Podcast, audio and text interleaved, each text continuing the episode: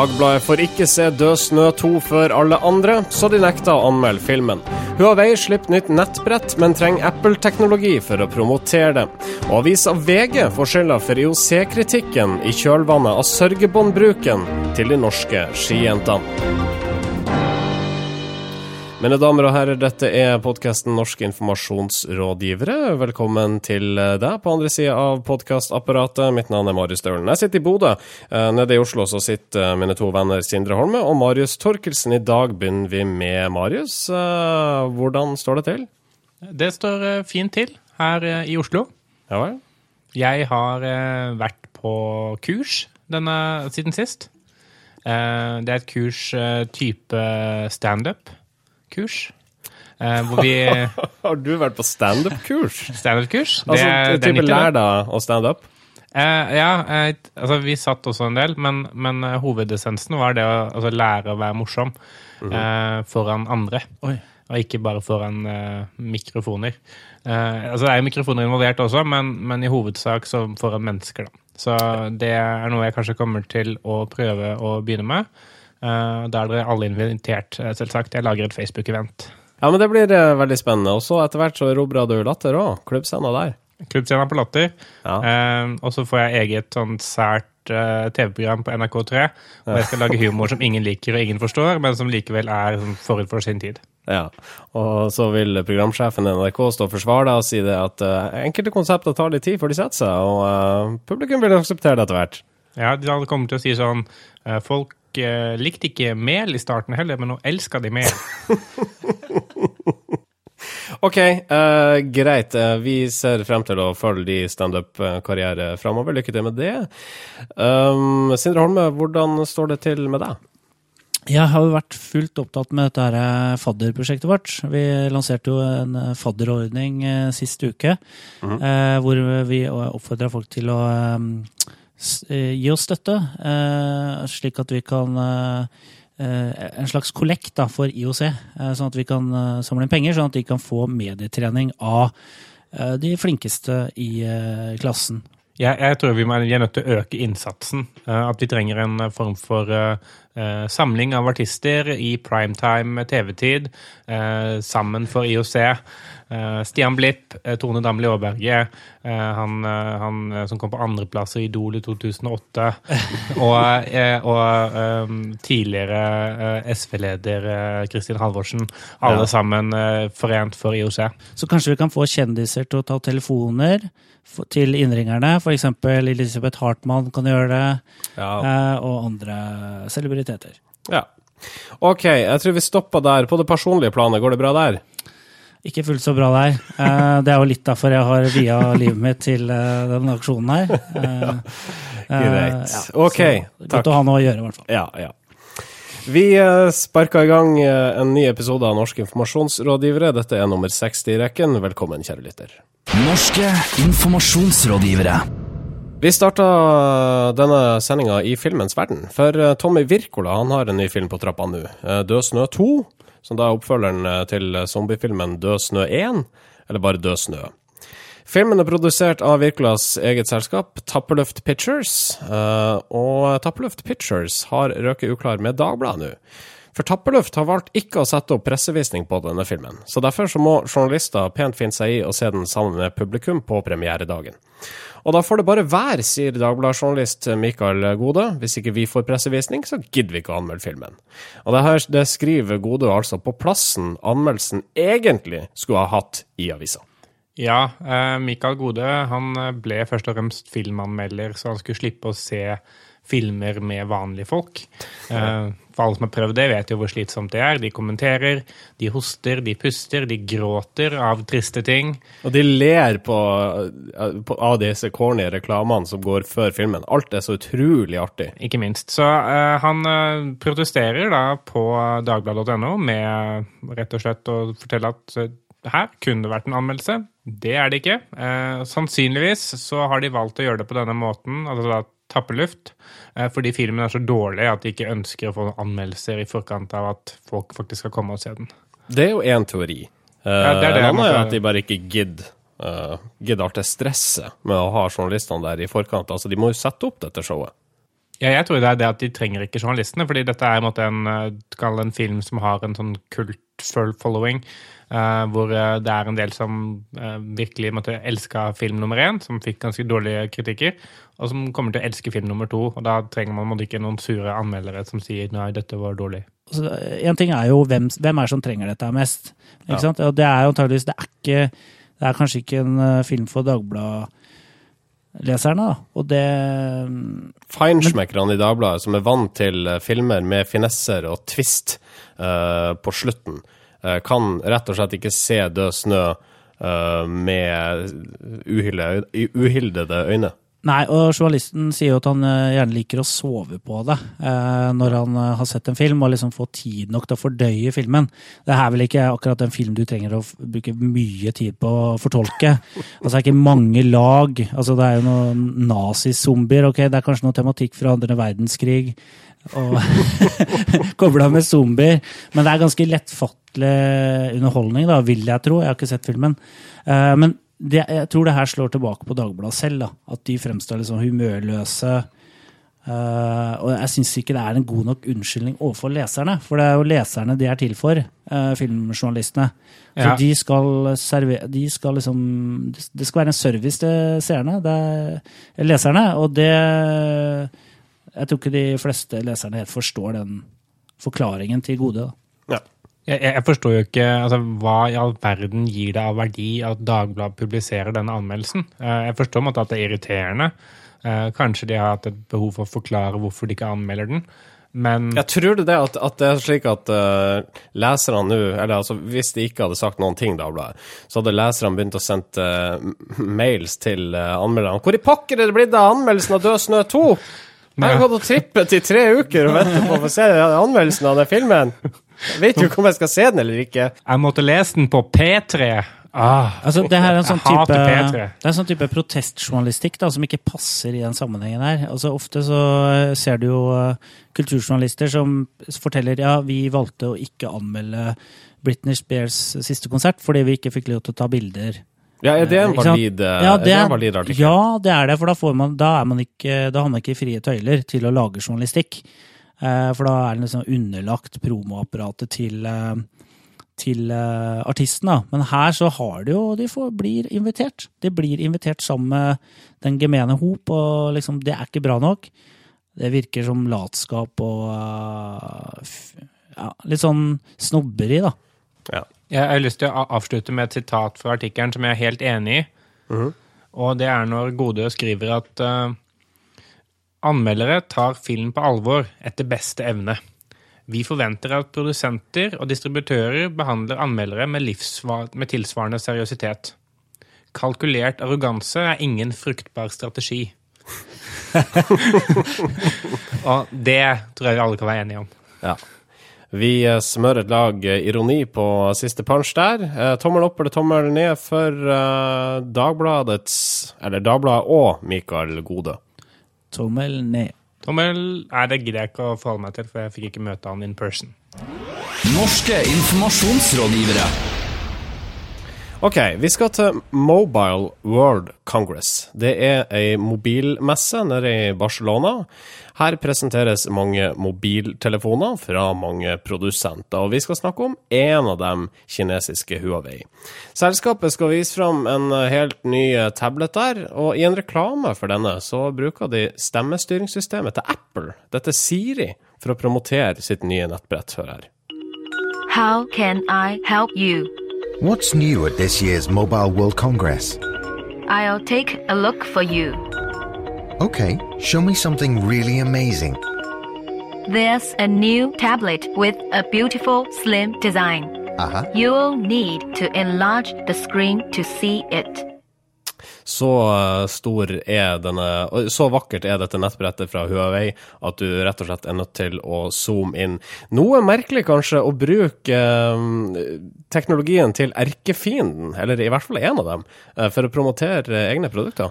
Ja, det er jo eh, uvant. Altså, teknologi, altså mobilprodusenter pleier å snakke mest eh, utelukkende om eget produkt, som om det er det eneste i verden og eneste gangbare produktet. Men her så syns jeg Huawei eh, gjør noe ganske fikst og artig, da, for de, de på en måte erkjenner at de er en utfordrer i det markedet her. Eh, eh, de kaller for eksempel Apple for Fruit. De nevner ikke Apple ved navn. Og de snakker også om Samsung, eh, men det nevner du med navn, da. Eh, I Nei, den nei, de sier Samsung. song. Samsung, ja. Samsung. Ah, jeg som hører feil. Ordspill. Aha. Det er litt som å Jeg får liksom assosiasjoner til hvordan Norwegian kommuniserte før, når de var sånn tydelig utfordrer til SAS. Altså, du, de på en måte kommenterer eh, markedslederen på en, eh, på en fiffig måte og liksom og gjør et godt Ja, og liksom ta innersvingen på dem. Eh, uh, de kommenterer markedslederen. På hvilken måte egentlig? Altså, de bruker uh, da en stemmestyrt mobil til å hjelpe vedkommende i denne reklamen til å finne fram til Huaweis nye tablet. På hvilken måte er det en kommentar til Apple? Nei, altså, akkurat det er litt sånn tapt for meg også, hvis jeg skal være ærlig.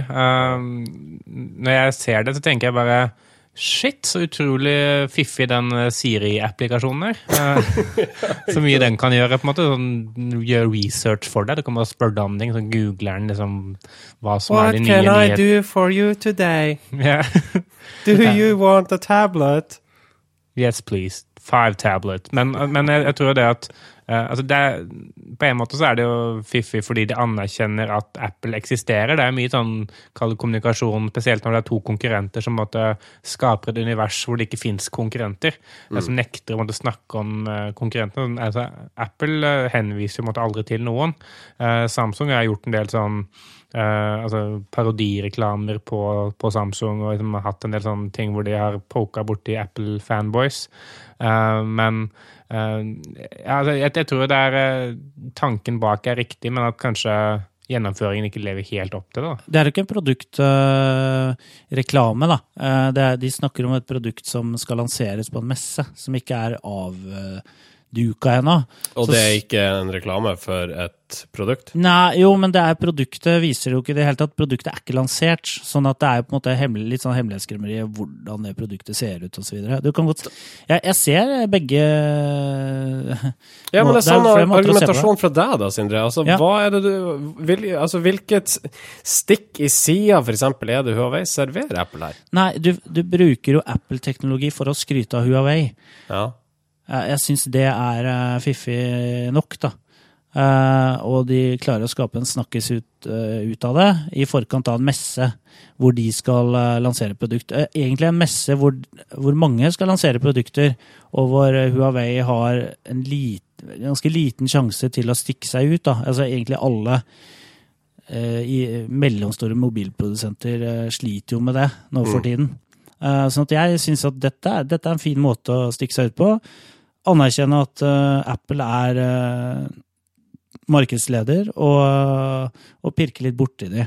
Dette kan jo på en måte sammenlignes litt med eh, det vi snakka om forrige uke, som var denne dump Starbucks-tingen. Altså det der med å, Selv om det ikke var en lansering av en mobiltelefon, så vidt vi vet, eh, det å henge seg på eksisterende måte, merkevarer, da, eh, eller måte, eksisterende popkulturelle referanser. og Det er det som er interessant med, med Apple, er, jo det at i tillegg til å være, være et produkt og være en merkevare, så er det også en veldig sånn felles referanse for folk.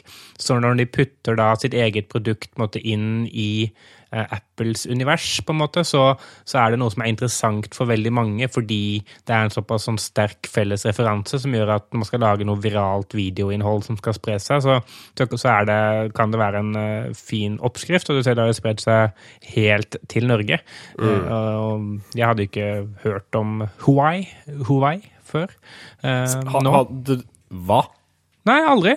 Eh, ki- Kinesiske selskaper blir ofte anklaga for, for å drive med piratkopiering av amerikansk teknologi og annen type teknologiprodusenter. Så sett, sett med, det, med de brillene på, da, så er det jo, gir jo det her kanskje ikke så positive eh, assosiasjoner, da. Nei, de burde kanskje spilt hardere på det. Klart også fått uh, Da laga en, en eh, promo der eh, eh, en, eh, altså, en av de ansatte i Huawei-fabrikken får råd fra Siri om hvordan snekre sammen en ny tablet. Det hadde vært Ja, den hadde vært, det hadde vært veldig tydelig, da. Ja. Da hadde vi forstått det veldig enkelt. Det hadde vært litt fiffig, som enkelte sier. Fiffig, ja. Det hadde vært eh, eh, knallbra, hadde jeg tenkt. Vi bør egentlig starte et reklamebyrå. Du burde jobbe med kommunikasjonen, Marius. Ja, jeg burde kanskje ha gjort det. Ok, uh, jeg tror vi må konkludere her. Um, og det virker som panelet er noe splitta. Skal vi prøve oss på en tommel opp eller tommel ned for uh, Huawei sitt frampek til lanseringa av sin nye tablet? Som en teaser syns jeg funker bra. Tommel opp. Som uh, kommunikasjon syns jeg det funker dårlig. Tommel ned. Norske informasjonsrådgivere. Uh, som teaser, Marius, hva, hva syns du da? Som teaser? Ja? Tenker du på hva- tommel opp eller en tommel ned? Ja? Nei, jeg tommel opp. ja. En som kommunikasjonshindrer, Ja, hva det er kommunikasjon. Nei, da snakker vi om noe helt annet. Så da, Hørte du? Vi- var uenige uten å være uenige. Eh, vi snakka om IOC i forrige uke, da i spalta Ikke gjør dette. For IOC ble irritert da skijentene brukte sørgebånd under 15 km, og denne historien kjenner vi. Og vi trodde kanskje stormen var over, men nå kommer altså idrettspresident Børre Rognlien på banen, og han hevder at det er VG sin skyld at det ble bråk i utgangspunktet. Ja, han mener det at øhm, det var ikke noe sak, dette her. Fordi øh, langrennsjentene hadde gått øh, dette 15 km-løpet med sørgebånd. IOC hadde kontakta langrennsleiren og sagt at du, dere, vi har et regelverk som sier at dere ikke kan gå med sørgebånd, så kanskje dere ikke burde gjort det. Men, men vi skjønner jo hvorfor dere gjorde det. Og så går det et par timer, og så ringer en VG-journalist og så sier noe sånt som at eh, eh, dere i IOC har et veldig strengt regelverk mot eh, sørgebånd og sånne markeringer. Hvorfor har, dere ikke måtte, reagert noe på det? Da følte de seg tvunget til å eh, gå ut og måtte fordømme det, eh, fordi eh, da de fikk spørsmål om det. Så problemet da, ifølge Ragnlien er ikke det at de har en ekstremt teit regel, det er det at de ble spurt om det. ja, da følte jeg at det ble liksom eh, trengt opp i et hjørne, da, og måtte reagere kraftig. Altså, jeg mener jo det er eh, bullshit. Altså, jeg mener jo det er, som vi var inne på, de trenger medietrening. Eh, for der kunne man sagt ja, da bør vi nok se nærmere på regelverket vårt. Eh, for det er jo kanskje ikke rimelig at det ikke skal være lov når noen er i sorg. Altså, det hadde gått an å på en måte tatt betenkningstid, da. Eller Ringt en venn. ringt en venn. Eller hadde Eh, prøveordning i neste OL. Ok, vi prøver nå, så ser vi. Vi åpner opp. Altså, slusene er åpne nå for sørgebånd Uh, gjennom dette OL-et her. Og så får vi se, går det inflasjon i bruken av sørgebånd, eller vil det holde seg på et moderat eh, nivå, slik som er tilfellet f.eks. i fotballen? ja, så det kunne jo hende eksempel at eh, Ole Einar Bjørndalen ville gått med sørgebånd fordi hamsteren hans eh, Linus døde rett før eh, OL begynte. Mm. At uh, Kasai, hopperen, uh, gikk med sørgebånd fordi uh, en liten and, en andefar i dammen hjemme i Tokyo, også døde på ulykksalig vis. Han hadde ikke noen relasjon til den Anna, han bare så den lå der. Ja, Han leste om det i Tokyo Times. Ja, det var det han gjorde. Eh, og vi skjønner jo alle um, at Eller vi antar i hvert fall at uh, det vil ikke gå inflasjon i sørgebåndbruk. Så tilbake til uh, Rognlien. Hvorfor i alle dager blander han seg opp i det her, da? Det jeg ser for meg at har skjedd er at IOC og Gerhard Heiberg har fått ekstremt mye pes fra norsk presse. Eh, Og da har eh, Norges idrettsforbund fått beskjed av IOC om at hvis dere vil ha noen som helst sjanse på å arrangere OL, så må du få dette her til å blåse over i virke som ikke er vår feil. Så da går altså Norges idrettsforbund ut ved herr Rognlien og sier at du, det er egentlig VG sin skyld. Dette hadde ingenting med IOC å gjøre. VG sin eh, sjefredaktør, Torry Pedersen, er jo uenig i det kritikken, da. Eh, han mener at de hadde stilt et helt ordinært spørsmål om regelverket. eh, og mener at liksom det er en eh, avledningsmanøver å prøve å legge skylda på VG her, da. Vi retter en tommel for Børre Rognlien, og hvilken vei går den? Der går tommelen ned. Jeg tommel opp, jeg. Jeg tror dette kan bli som en spennende episode i det OL-politiske dramaet House of Rings. Så det er mest fordi at du vil følge avissaken videre. Ja. Men kommunikasjonsfaglig, da? Kommunikasjonsfaglig. Um, det er en litt sånn Jeg vet ikke om dere er kjent med begrepet Hail Mary, men det er altså i amerikansk fotball det er sånn når det er ett sekund igjen og du liksom ligger under med én touchdown, så bare kaster du ballen så langt du klarer og håper at liksom noen klarer å ta den imot, så du Ja. kanskje får litt poeng. Jeg føler det bør Ranglin gjøre her. Men der lyktes han ikke. Det er han ikke for Torry Pedersen sendte bare stilte seg uforstående, og da har han jo vunnet.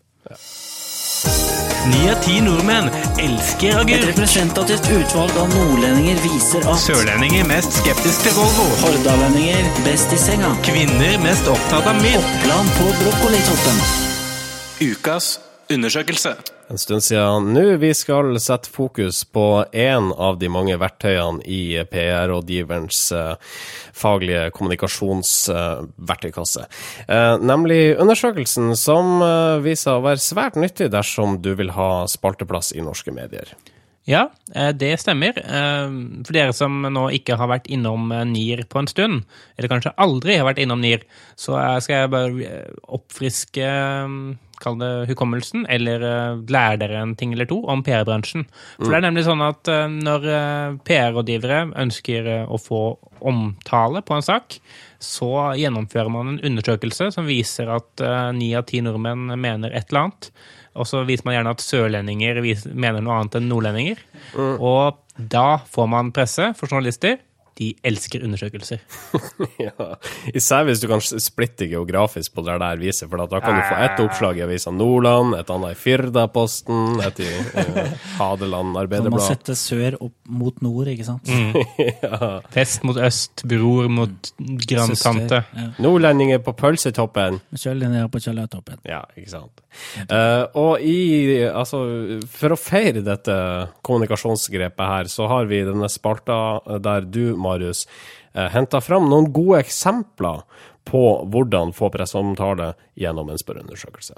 Ja, dette er en såkalt hyllbasert type spalte, Ja. eh, hvor jeg hyller eh, det rareste undersøkelses... Eh, Kall det jungelen har å by på.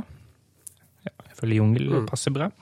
Så jeg plukka ut to denne, denne uka, eh, som er gjennomført av store norske virksomheter med det formål å få omtale. Og det Er har det her en fått. eh, rangert uh, kåring, altså at vi begynner med en slags andreplass? Ja, jeg vil si at den jeg leser opp sist, er den jeg er mest eh, fornøyd med å ha funnet. Ok, da begynner vi med andreplassen. Andreplassen den er egentlig en undersøkelse som spiller en slags birolle i en veldig rar sak. Eh, Og denne rare saken kan, kan man finne i dagligvarehandelen. Mm. Og overskriften til saken er følgende Nortura innfører joikapant. Nortura innfører joikapant. ja, hva Eh, og det det er altså en sak som handler om at uh, nå får du pant på joikakakebokser. oh, ja. Innført av, av Nortura. Uh, og da på en måte For å underbygge at dette her er en sak, så henviser da uh, Nortura og dagligvarehandelen til en undersøkelse som viser at over 30% av de spurte eh, forbinder joikakaker med hytta. Eh, og det kan bety at eh, mange sannsynligvis har joikakaker på hytta. eh, og liksom, vinkelen på saken er det at siden da mange potensielt sett har joikakaker på hytta, så er det mange som potensielt sett kan få pant på vei hjem fra hytta i fremtiden. Det var det mest farfetcha resonnementet jeg har hørt på en stund. Ja, det er veldig, veldig rart. Eh, men det er en, det er en sak, det er en undersøkelse. Det er nok. Men det at de eh, innfører pant på joikabolleboksene, det er jo nesten en nyhet i seg sjøl. Det er jo en gladsak. Ja, det skal man tro. Men eh, det er ikke nok pant. Nei. Men undersøkelsen uh, sikra i hvert fall sparte plass her. Hvor uh, var dette omtalt? På dagligvarehandelen.no. Ja, ok, ja, men det er jo knapt Altså, det er jo knapt et medium. De skriver jo om alt. Nei, de skriver ikke om ting som ikke har med dagligvarehandelen å gjøre. de gjør det ikke, men de skriver om alt som har med dagligvarehandelen å gjøre. De skriver ikke så mye om OL. Nei, veldig lite om OL. Så der ville jeg kanskje solgt inn. Ja. Fagpresse. Ok, jeg håper at uh, førsteplassen i spalten Ukas undersøkelse er bedre. Hvem finner vi der? Eh, førsteplassen den går til noen som har gjort noe bra, egentlig. Det er så de har tima det riktig med tanke på dato. Eh, de har eh, valgt en, en tematikk som er relevant for produktet, og de har truffet ganske greit. Så førsteplassen går til Gull-Adam. Fordi Gulladam, de kunne det er, det er sånn de kjøper inn gammelt gull og så smelter om, og så får du liksom penger for det. Eh, og de, de kan vise det at eh, 42% av norske kvinner de har eh, smykker og lignende som de har fått av ekskjærester. Eh, Og det betyr jo det at det er mye gull og smykker rundt omkring i det norske land som, eh, som ingen vil ha, og som de kan bare smelte om hos Gulladam og få penger for det. Og vet dere når denne saken her ble lansert? Eh, Det var på Valentine's Day. Det var på Valentine's Day. Selvfølgelig var det det. Klasse. Så det er liksom dagen for å hate eksen din og smelte om smykkene. Ja, det er god timing av Gull-Adam. Det er veldig god timing av Adam sjæl. Og denne saken fikk annet omtale på nyttios.com. Det var Blant annet, ja. Ok. Du sier blant annet. Ja, det fikk omtale andre steder også, men jeg synes nyttios.com det, altså, At de trenger en internasjonal eh, URL, det, det støtter jeg fullt og helt. Det er altså Gula Adam som eh, står for ukas undersøkelse. Gratulerer. Ja, gratulerer. Bra jobba. Gratulerer, Gulladam. Nier. Gutenberg. Pergamentrull. Tresko. Brevdue. Elektronikk. Fax. Nintendo 8-bit. CDR. Ja, ja, jeg sender pressemeldingen på Telex. Sindres tidsmaskin. Ja, det, det begynner å bli en stund siden vi har hatt eh, en eh, reise eh, i tid nå. Men dette her er altså spalten Sindres tidsmaskin, hvor vi gjør nettopp det. Bestyrer Sindre, det er jo de spalte, så du får bare prate, du. Ja, vi snakker jo om CDR i introen, og det er jo litt sånn kodeord for den hva skal jeg si, det tidsrommet vi skal prøve å reise tilbake til nå. Vi skal skru klokkene tilbake til 14.2.1994. 14. februar 1994. 14. februar. Ja. 1994. Altså vi snakka uh, rundt 20 år siden, da. Det dere ser ute der, det er Lillehammer. Det er eh, bikkjekaldt. Det er eh, tremila på ski under OL uh, i 1994 her. Ja. Her kan vi se, har vi nettopp, eh, her har nettopp Bjørn Dæhlie sust forbi. Sture Sivertsen, Erling Jevne. Dette er jo et løp som Norge regjerer eh, totalt. Og så ser de plutselig en rev. En rødrev som løper forbi kamera ute i skogen der. Som om uh, Altså rett ved sida der Bjørn Dæhlie og resten av gjengen Ja, er ute og går på ski. tilsynela tilsynelatende. Ja. Men så, så leser vi i eh, VG nå noen dager etterpå at den reven da, som da eh, er filma, sendt ut på eteren og spredd til et hundretalls eh, nasjonaliteter rundt omkring i verden, for de ser jo på vinter-OL mange steder, Ja. den er rett og slett klippet inn fra uh, ut i naturen. Hva? Den er en jukserev. Den er ikke på Lillehammer. Den, Den aktuelle er ikke på Lillehammer. Nei. Så uh, VG har her et intervju med Lorentz Mørkeved, som er leid inn. Han og hans team er leid inn for å klippe inn masse sånne erkenorske ting. Som telemarkkjørere, kaffekokere, vedhoggere, eh, rådyr og rev inn i TV-sendingene når det ikke skjer noe særlig ute i løypa. Ah. Så de har, her, de har eh, altså ja. en, en Altså de har et uh, kontor et eller annet sted nede på Lillehammer, og der sitter de og følger med på sendingene, uh, og så ser de at det ikke skjer noe. Og så klippet de inn en rev. Ja, det gjør de. For det er, sånn, det er litt sånn dødtid. Det er litt kjedelig. Det er ikke noe særlig å filme. Det er ikke noe særlig jubel inn på stadion. Kjører litt for tjukk budeie om tre, to, én Budeie live. Altså, det her var jo NRK har jo godtatt dette her, selv om det er noen sånne litt sånn røvere av noen frilansere som har fått oppgave å sprite opp sendingene. Eh, men altså, de sier jo at eh, skal seerne i Nepal og Napoli kunne skille våre sendinger fra de øvrige, måtte vi bruke nasjonalpaletten og kline på litt folkelig koloritt mellom stavtakene. Men med måte, sier han her i da. Ok, Ble det, ble det mye kritikk eh, i kjølvannet av denne avsløringa, hvis vi kan kalle den det? Anmeldt Ja, altså, denne saken i VG, Det altså. ble litt sånn, eh, litt, litt sånn antiklimaks uh, på Eller det ble, det ble sånn, litt sånn skuffelse i de tusen hjem. eh, og i media over at uh, Og en diskusjon egentlig om er etisk forsvarlig. Altså direktesending. Eh, man tror at det man ser er live og ekte. Det er, man, man, eh, man eh, øker ikke farta, f.eks. De norske skikjørerne kommer, så liksom pitcher man ikke opp, liksom. Vi bare tilpasser virkeligheten et ja. format som folk gidder å se på. Men det var et sånn Ja, det var litt sånn tidsskille her, egentlig. Ja. Hvor jeg tror folk ble, ble litt mer oppmerksom på at media kun er en, en representasjon av virkeligheten. Ja, men det var en interessant historie, og dette her er noe som eh, fortsatt ligger litt framme i pannebrasken til folk. Denne, denne manipuleringa, hvis vi kan kalle det det, eh, tilbake i 1994. Eh, NRK sendte altså OL i sin helhet, selvfølgelig, men de kutta inn en og annen ræv og en annen budeie som ikke var der. Det skjedde. Det skjedde. Det skjedde. Ja. Eh, skal vi dra tilbake til vår egen tidsalder? Ja, la oss uh, stikke av gårde. Ja, la oss gjøre det. Hopp inn. Ikke gjør dette. Vi skal tilbake til OL, der Norges hockeylandslag gikk på sitt andre tap på rad mot Finland fredag i forrige uke. 1-6 endte det til slutt. Keeper Lars Haugen hadde en ekstra kjip dag på jobb. Han slapp eh, like gjerne inn tre mål i første periode, før han eh, til slutt ble tatt av banen av treneren. Og etter kampen så sa han følgende til Dagbladet. Det her er ikke ment som noe unnskyldning, men jeg kunne ikke se pucken. Det kan være allergiproblemer. Dette vet jeg ingenting om, sier trener Roy Johansen.